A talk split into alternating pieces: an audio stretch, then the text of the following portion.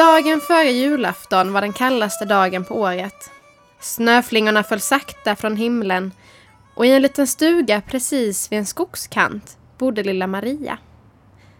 Maria hade en styvsyster, Helena, och en styvmamma som inte tyckte om Maria överhuvudtaget.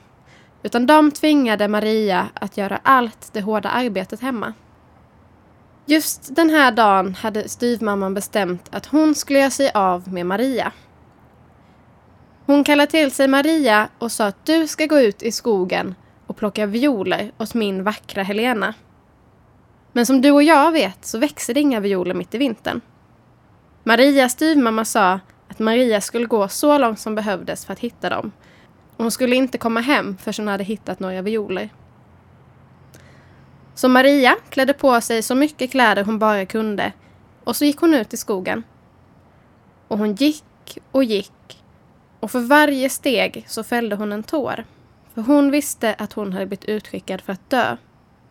Men när hon stannade upp mitt i skogen för att torka bort lite gråt så såg hon någonting som lyste på toppen av en kulle. Maria skyndade sig dit så fort hon bara kunde. Och när hon kom till toppen av kullen så såg hon tolv människor som satt tysta runt en öppen eld. Tre av dem var jättegamla. Tre av dem var ganska gamla. Tre var unga vuxna. Och tre av dem var väldigt unga, inte mycket äldre än hon själv.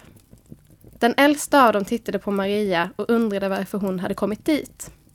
Och Maria svarade att hon hade blivit utskickad för att plocka violer och hon fick inte komma hem förrän hon hade hittat dem. Och då sa mannen, men det här är ju min månad, december. Nu växer inga violer. Syster Mars, kom och ta min plats. En av de yngre reste sig och satte sig på decembers plats. Och direkt så började allt runt omkring dem förändras. Snön smälte.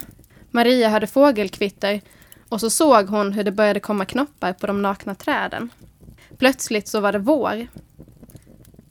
Skynda nu iväg och plocka några violer innan jag måste sätta mig igen, sa December. Och Maria tackade så snällt hon bara kunde och så skyndade hon sig iväg. Styvmamman och Helena blev förvånade när de såg Maria och de blev ännu mer förvånade när de såg att hon hade violer med sig. Var hittade du dem? undrade Helena. I skogen uppe på den lilla kullen, svarade Maria. Nästa morgon var det julaftonsmorgon. Styvmamman väckte Maria långt före gryningen och sa att Maria måste gå ut i skogen och hitta jordgubbar till Helenas julfrukost.